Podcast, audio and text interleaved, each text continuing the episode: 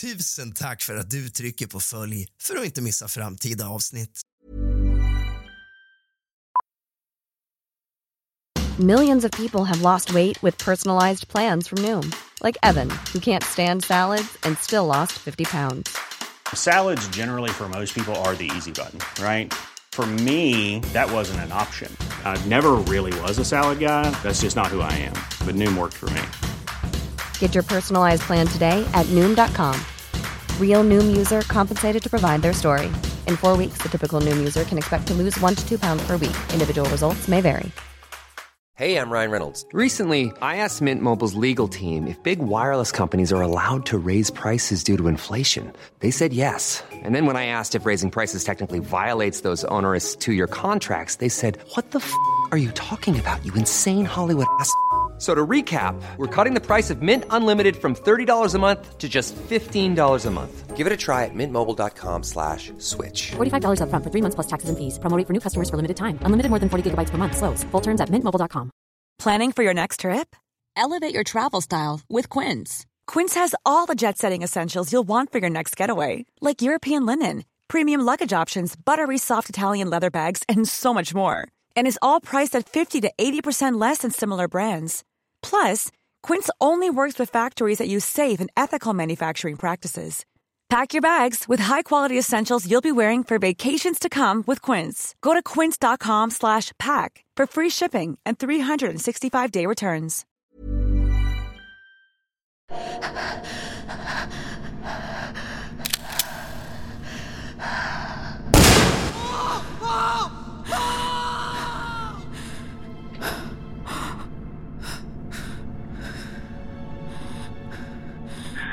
Jag ska sätta på mig en fast. Hallå? Vad sa du för någonting? Men du, du, hallå, ta ett djupt andetag. Vad är det som händer? Berätta. Men, men du, hallå? Var är du någonstans? Hallå? Var är du någonstans? Vänta! Vandrarblomsvägen 22! Mitt vad är det som har hänt? Hade vi bråk? Alla provocerar hela kvällen. Ja, men är, är det någon som är skadad på något sätt? Jag sköt honom! Har du skurit honom? Jag sköt honom! Okej. Jag Ja. Är du i Bålsta? Var är du någonstans? Lugn, ta, ta det lugnt. Ta det lugnt. Är du i Håbo kommun? Ja! Ja, vänta kvar. Jättemycket! Vänta kvar. Men, men du måste lys, lyssna på mig. Lyssna på mig. Lyssna på mig. Säg adressen igen. Snälla! Hjälp! Mm. Då ska vi se. Du får vänta kvar lite grann. Ja, det är någon som ringer från Håbo kommun och säger att hon har skärt hennes kille. Eh, jag tror hon säger Mandelblomvägen. Nej! Rädda honom bara! Jag sköt klarar inte av det här. Jag kommer åka i fängelse. Vad är det som har hänt? Jag orkar... Nej! Den 18 juni 2021 kommer polisen till en villa i Bålsta. Lydia Bart bodde i huset och har ringt och larmat och berättar att hon har skjutit sin sambo. Hon har licens för vapen och berättar för polisen att hon har en hagelsprakare i sitt vapenskåp i sovrummet. Hon sa att hon aldrig menade att döda honom, bara att få honom att lyssna och att det här var ett vådaskott. Mordet filmades av brottsoffret själv under tiden som hon sköt honom. Det här kommer bli ytterligare en följetong likt bebismordet i Trosa där vi nystar i förundersökningen och läser förhör och tar del av vittnesmål och så vidare för att bilda oss en egen uppfattning för att slutligen avrunda med att läsa upp domen. Rättegången för bebismordet i Trosa påbörjas imorgon och när domen kommer så kommer vi att göra ett avsnitt och tala om det. Men nu och i kommande avsnitt kommer vi tala om Lydia Bart och när hon sköt sin kille. Så hämta lite sällskap din fegis. Släck alla lampor och tänd alla ljus och hämta någonting gott att dricka. För nu börjar dagens avsnitt av kusligt, rysligt och mysigt. Tack för att du lämnar ett omdöme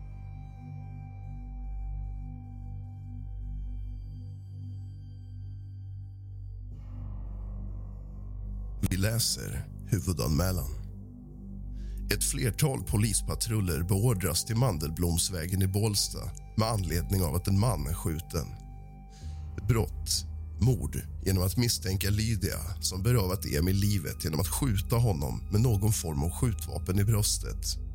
Alternativt dråp genom att misstänkt Lydia berövat Emil livet genom att skjuta honom med någon form av skjutvapen i bröstet. Polisen beordras till Bålsta med anledning av att en man är skjuten. På platsen påträffas Emil som har en skottskada i bröstet. Emil konstateras sedan avliden. Gripen är misstänkt Lydia. Patrull med flera andra patruller blir beordrade till Mandelblomsvägen 22 med anledning av att en man har blivit skjuten i bröstet. Man var endast några minuter från den aktuella adressen och var snabbt på plats. Väl på plats hörde jag några högljudda röster från baksidan. Jag gick runt huset på högra sidan. Min kollega P.A. Toroshi gick runt huset på vänstra sidan.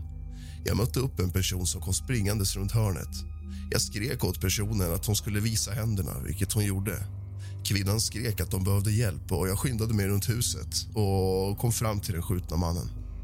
Vid den skjutna mannen var det tre personer som gjorde HLR. Jag såg tydligt att mannen var skadad i bröstkorgen och blödde kraftigt. Personerna som hjälpte till uppgav att de var grannar till den skjutna mannen. Jag försökte få någon klarhet i vad som hade hänt och var en eventuell gärningsman kunde befinna sig. Personerna var mycket chockerade och sa att de behövde hjälp med den skjutna mannen. En kort stund därefter säger en av kvinnorna att de har sett en person inne i huset. Jag meddelar min kollega P.O. Atoroshi att gärningsmannen troligtvis är kvar inne i huset. En kort stund senare hör jag och min kollega ljudet av vad jag uppfattar som ett skott. Jag och min kollega valde att omgruppera för att förhindra ett angrepp från gärningsmannen. Jag och min kollega förflyttade oss och rustade upp ett FPP-kit. En ambulans kom sen till området med blåljus. Jag sprang fram till ambulansen och, och sa att vi hade hört ytterligare skott och att adressen inte var säkrad. Ambulansen stack. PT Atarushi stannade kvar och täckte framsidan av den aktuella adressen och jag avancerade mig runt huset för att kunna förflytta den skjutna mannen till en säker plats där han kunde få hjälp av ambulansen. Jag gick runt och sa åt de tre personerna som fortfarande gjorde HLR att vi var tvungna att flytta den skjutna mannen så att vi kunde få hjälp. Jag och en av personerna bröt sönder gårds, i gården liksom, där mannen låg för att kunna förflytta honom som ett staket. Jag tog tag i mannens ben och en annan person lyfte honom i armarna. Vi bar honom till en säker plats runt huset på Gullvivavägen 4. Jag observerade sen att ambulansen stod uppe på åsleden. Jag sprang då upp till ambulansen som sen åkte ner till den skjutna mannen. Efter att ambulansen hade anlänt till Gullvivavägen 4 stannade jag kvar för att se till att de fick en säker arbetsmiljö. Jag avancerade sen tillbaka till den aktuella adressen för att återigen kunna täcka baksidan av Mandelblomsvägen 22. På vägen tillbaka mötte jag en kollega som saknade en skyddsväst. Då överlämnade jag mitt FPP-kit. Jag placerade mig sen så att jag hade översikt över baksidan. En stund senare blev jag avlöst av två andra kollegor. Då gick jag tillbaka till Gullvivavägen 4 för att påvisa för hundföraren vilket hus som gärningsmannen befann sig i. Gärningsmannen valde sen att självmant överlämna sig. När gärningsmannen var säkrad sökte jag och tre ytterligare kollegor igenom huset på Mandelblomsvägen 22. Inga ytterligare personer anträffades i huset. P.A. Glas blev beordrad till Mandelblomsvägen 22 i Bålsta med anledning av att anmälare har hittat en man med skottskador. Flertalet andra patruller blir också beordrade till adressen. En patrull befinner sig i närheten och befinner sig på platsen inom 6-7 minuter. Undertecknad går till framsidan och känner på ytterdörren som är låst. Går sen runt husknuten och ser att grannar står och tittar mot baksidan av huset. De här grannarna ombeds att lämna. Undertecknad hinner också uppfatta att en man ligger på baksidan av huset och blöder. Kollegan har hunnit ta sig fram till den skadade mannen och några andra grannar står nära mannen och ger HLR. De försöker hjälpa honom. Plötsligt hörs ett skott, troligtvis från huset. Undertecknad går tillbaka mot framsidan av huset. Ingen rörelse syns i fönstret. Det är tyst och ganska mörkt i huset. I samband med att både jag och kollegan uppfattar att gärningsmannen är kvar samt hör skottet så går vi tillbaka till framsidan och fram till polisbilen. Vi plockar ut våra FPP-kit och rustar på förstärkningsvästar och skyddshjälm. Därefter springer kollegan tillbaka till baksidan av huset och jag håller framsidan. Inom kort ansluter flera patruller till platsen. Vi får kännedom om att gärningskvinnan befinner sig i huset och vill överlämna sig själv till polisen. Hon är i samtal med radio och pratar med dem fortlöpande. Hon heter Lydia. En patrull tar över den delen och pratar med kvinnan när hon kommer ut. Sen blir hon kontrollerad som, av en patrull som också finns på plats. Undertecknad går in i huset tillsammans med tre andra kollegor och säkrar. Inga andra finns där. Jaktvapen hittas i sovrummet, troligtvis de som misstänkt använt. Huset och tomten spärras av. Senare framkommer att ambulansen har brytpunkt bakom Shell på grund av helikopter som kräver utrymme. Eh, gärningsmannen avliden och transporteras med ambulans till brytpunkten bakom skäll och där befinner sig hans äldsta son Douglas med flertalet andra vänner. Samtliga hinner se hans kropp och blir väldigt skärrade av detta. Undertecknad arbetar som områdespolis i Bålsta och har kännedom om att Emil hade grav missbruksproblematik. Han har tidigare under året sökt hjälp hos beroendeenheten men det hade inte funkat eftersom Emil inte klarade att hålla sig nykter. Douglas träffar inte sin pappa särskilt ofta just på grund av hans missbruk. I tjänst, P.A. Atarushi. Hej, jag Ryan Reynolds. Recently, I asked Mint Mobiles legal team if big wireless companies are allowed to raise prices due to inflation. They said yes. And then when I asked if raising prices technically violates those onerous two-year contracts, they said, what the f*** are you talking about, you insane Hollywood ass?" So to recap, we're cutting the price of Mint Unlimited from $30 a month to just $15 a month. Give it a try at mintmobile.com slash switch. $45 up front for three months plus taxes and fees. Promo rate for new customers for limited time. Unlimited more than 40 gigabytes per month. Slows. Full terms at mintmobile.com. Cool fact, a crocodile can't stick out its tongue. Also, you can get health insurance for a month or just under a year in some states. United Healthcare short-term insurance plans, underwritten by Golden Rule Insurance Company, offer flexible, budget-friendly coverage for you. Learn more at uh1.com. If you're looking for plump lips that last, you need to know about Juvederm lip fillers. With Juvederm Volbella XC and Juvederm Ultra XC, your lip look, whether it's subtle or bold, can last up to one full year with optimal treatment and no additional maintenance. Find a licensed specialist and see if it's right for you at Juvederm.com today. That's J U V E D E R M.com. Add fullness to lips in adults over 21 with Juvederm Volbella XC or Juvederm Ultra XC. Do not use if you have severe allergies or a history of severe allergic reactions, or if you're allergic to lidocaine or the proteins used in Juvederm. Tell your doctor if you have a history of scarring or taking medicines that decrease the body's immune response or that can prolong bleeding. Common side effects include injection site redness, swelling, pain, tenderness, firmness, lumps, bumps, bruising, discoloration, or itching. As with all fillers, there's a rare risk of unintentional injection into a blood vessel, which can cause vision abnormalities, blindness, stroke, temporary scabs, or scarring. For full important safety information, visit juvederm.com. Fler patruller beordras till platsen. Först på plats är P.O. Atarushi och P.O. Glas som står parkerade utanför villan och håller varsin dialog. När jag anländer möter vi P.O. Atarushi som står på framsidan bakom polisbilen. Jag får höra att P.O. Glas står inne på tomten på diagonalen från det jag anländer. Jag springer runt huset och ser då vid en gärdesgård som skiljer tomten från Gullvivavägen 4. Där ser jag att den skottskadade befinner sig med två, tre andra för mig okända personer, men jag uppfattar dem som grannar. P.A. Albier och P.A. Westerberg tar positionen i närheten av P.A. Darushi på husets framsida. P.A. Glas säger att vapnet som används troligtvis är ett jaktvapen med tanke på skadebilden på den skadade. Piata Atarushi informerar om att utpekad gärningsperson enligt uppgift fortfarande ska befinna sig inne i bostaden. Grannarna är väldigt chockerade och uppjagade och skriker att han måste ha hjälp. Jag ropar till P.O. Glas att jag är på plats och att jag täcker fasaden av huset på baksidan.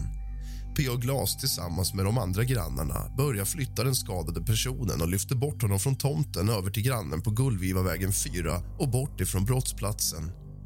Ett flertal patruller anländer och biträder med att hålla byggnaden utifrån de uppgifter som finns om att utpekad gärningsperson som är en kvinna är kvar inne i huset.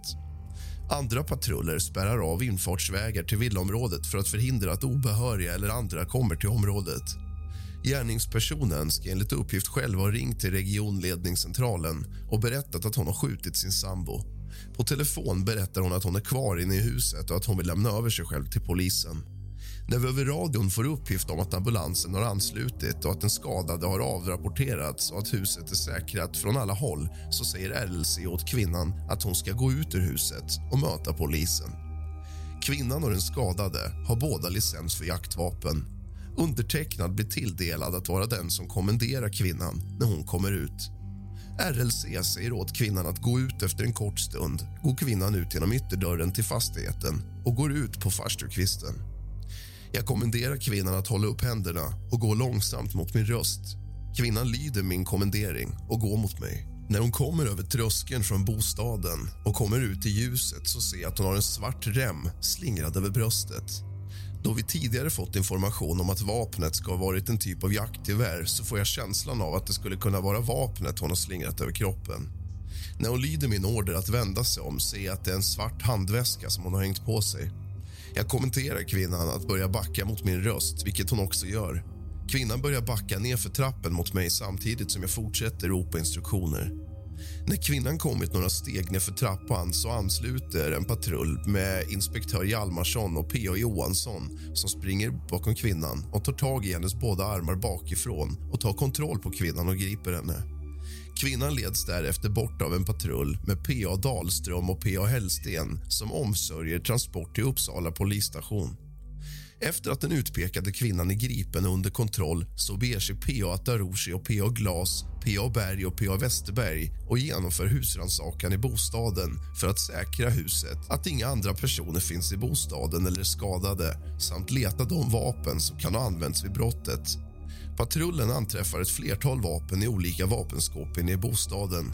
Hela huset spärras av i väntan på teknisk. Hundförare med P.O. Karlsson genomför ett saksök på den plats där den skadade har anträffats på tomten. I tjänst P.A. Rostvik. Patrull med P.A. Dahlström samt P.A. Hellsten med ytterligare patruller blir beordrad av RLC till aktuell adress med anledning av att en man hittats skjuten. Patrullen anländer i Bålsta och är tillsammans med andra patruller vid brytpunkten. Patrull står under händelseförloppet vid brytpunkten hela tiden. När kvinnan gripits blir det patrull som ansvarar för att transportera kvinnan som heter Lydia till polishuset i Uppsala. Under färden från Bålsta till Blanka säger Lydia inte mycket. Lydia hyperventilerar till och från, men annars är det lugnt i bilen. När Lydia transporteras till plan 2 i Blanka får hon sätta sig i ett förhörsrum tillsammans med patrullen. P.A. Dahlström skriver i polisens system och då uppger Lydia jag sköt honom. Alltså kan ni fatta att jag sköt honom. Jag sköt honom med hagelgeväret. Lydia stubbas kort därefter av P.A. Hellsten. Efter stubbningen börjar Lydia att skrika rakt ut i flera minuter. Lydia skriker så pass högt att P.A. Hellsten tillkallar en ytterligare patrull så att P.A. Hellsten kan gå och inhämta hörselkåpor. Det skulle annars inte gå att vara i samma rum som Lydia när hon skriker så pass högt. SB Westin tillkallas och beslutar att Lydia ska till psykiatriska akutmottagningen för bedömning. På mottagningen uppger Lydia att hon skjutit en person och att hon inte kan fatta vad hon gjort. På psykiatriska mottagningen beslutar ST-läkare Andreas Stamström att Lydia inte ska läggas in på mottagningen och bedömer att Lydia kan låsas in på polisstationen i Uppsala. Patrullen kör därmed Lydia till polishuset i Uppsala. I tjänsten P.A. Dahlström. Undertecknad tillsammans med polisassistent Dahlström får i uppgift att transportera den gripne Lydia från brottsplatsen till polishuset i Uppsala. Jag sitter i baksätet till vänster om Lydia vid intransporten. Patrullen ställde inga frågor rörande ärendet till Lydia. Vid transporten börjar Lydia direkt att hyperventilera. Jag säger till henne att hon får lugna ner sig varpå hon berättar att hon precis har skjutit en person och att jag inte är någon som kan få henne att lugna sig. Lydia säger upprepade gånger under tiden hon gråter i förtvivlan att det är helt sjukt och jag har ju skjutit honom. Hon säger även upprepade gånger att han pushade mig. En gång nämner Lydia att Emil försökte hindra henne att ta sitt eget liv då hon skulle skjuta sig själv. När vi närmar oss polishuset säger Lydia att hon har sålt en hästgård och gått i personlig konkurs. Hon säger att hon har försökt att hålla sig undan och hamna i den där situationen hela livet men att hon nu sitter där hon sitter. Lydia nämner flertalet gånger under färden att hon studerar på universitet och uppfattas vara väldigt stolt över detta. Lydia frågar några gånger om målsägande lever eller inte. I polishuset börjar Lydias humör att pendla kraftigt. Under en period skriker hon halsen ur sig varvid jag får gå och hämta hörselkåpor till personalen på plats. Även en till patrull ansluter då hon uppfattas som agiterad. Patrullen utför utredningsåtgärder på polishuset och åker sen till psykakuten för säkerhetsbedömning. På psykakuten berättar Lydia att hon har skjutit en kille som hon dejtar och att hon sköt honom med hagelgevär i bröstet. Läkare på psykakuten lämnar besked om att Lydia inte behöver någon vidare vård från dem. Vid transport från psykakuten till polishuset säger Lydia att det hade varit bättre om hon sköt sig själv istället för att slippa det här. Lydia låses därefter in i cell. P.A. Dahlström och jag får senare i uppgift att verkställa 24-8 förhör och delge misstanken. Vid förhöret delges Lydia misstanke och vidare dödsbeskedet. Lydia blir efter dödsbeskedet frånvarande och svarar på frågan om hon är införstådd med misstanken först efter Planning for your next trip? Elevate your travel style with Quince. Quince has all the jet setting essentials you'll want for your next getaway, like European linen, premium luggage options, buttery soft Italian leather bags, and so much more. And is all priced at 50 to 80% less than similar brands. Plus, Quince only works with factories that use safe and ethical manufacturing practices. Pack your bags with high-quality essentials you'll be wearing for vacations to come with Quince. Go to quince.com/pack for free shipping and 365-day returns. flertalet upprepningar. I tjänst, P.A. Dahlström.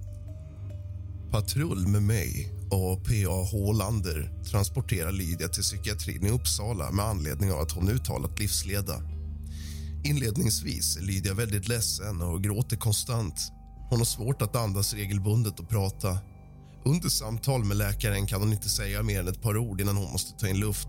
Min uppfattning är att hon har panikångest. När läkaren pratat färdigt med Lydia fortsätter hon gråta hysteriskt. Jag sätter mig bredvid henne i syfte att försöka lugna ner henne. När jag och kollegan börjar prata med henne är det svårt att få kontakt med henne. Hon gråter och sa att eh, jag vill inte döda honom. Därför tog jag inte kulan. Jag tog hagel för att jag inte ville döda honom. Hon säger även jag siktade lågt för att inte döda honom. Jag svarar då du får vänta med att berätta vad som har hänt. Polisen kommer hålla ett förhör med dig med en advokat närvarande. Lydia fortsätter gråta hysteriskt och säger att han provocerade mig. Han sa att jag inte skulle våga. Han pushar mig. Jag svarar med att ställa en fråga om var hon är uppvuxen i syfte att få henne att tänka på annat. Hon svarar att hon är från södra Stockholm. Jag ställer följdfrågor om bland annat barndomsskolan. Därefter lugnar hon ner sig och vi pratar om annat än det som hänt under natten. Under samtal med Lydia ser jag att hennes ringfinger på vänster hand är blå och svullen. När jag frågar henne vad som har hänt så svarar Lydia att de bråkar. Vilka bråkar, du och polisen? frågar jag. Nej, jag och han, svarar hon. När bråkade ni? frågar jag. Innan jag sköt honom, svarar Lydia. Bilder på fingret finns i Filip. Vid flera tillfällen säger Lydia att hon älskade honom så jävla mycket. I tjänsten, polisassistent i Rassem Samar. Undertecknad tillsammans med P.A. Atarushi, P.A. Glas, P.A. Westerberg genomförde husrannsakan av bostaden efter att misstänkt hade frihetsberövats. Undertecknad tillsammans med kollegor genomsökte bostaden med början från övervåningen vid entrén och vidare ner i källaren och slutade i garaget. Ingen person fanns i bostaden vid genomsökandet. Undertecknad tillsammans med P.A. Westberg påträffade ett vapenskåp i ett sovrum som låg höger om entrén längst ner i korridoren på vänstersidan. I sovrummet stod ett vapenskåp höger om sängen när man kom in i sovrummet. Bredvid vapenskåpet stod eh, till synes flera luftgevär samt gevärsfodral lutade mot väggen vid vapenskåpet. Vapenskåpet var stängt och låst när undertecknad kom in i sovrummet. Undertecknad fick en kod som tillhörde vapenskåpet som var korrekt. I vapenskåpet kunde undertecknad till synes se minst tre stycken vapen där ett av dessa var ett hagelgevär samt två var jaktvapen med tillhörande ammunition samt slutstycke som låg i vapenskåpet. Undertecknad har inte rört någonting förutom kodlåset samt handtaget till vapenskåpet. Undertecknad hade vinylhandskar på sig vid hantering av kodlåset samt handtaget. I garaget återfanns ett vapenskåp av liknande modell som inte gick att öppna med samma kod. Undertecknad har likt eh, där använt vinylhandskar för att testa kodlåset. Bilder på skosulor till patrullerna som var i bostaden för att genomsöka husrannsakan finns att se i Filip. I tjänst polisassistent Marcus Berg.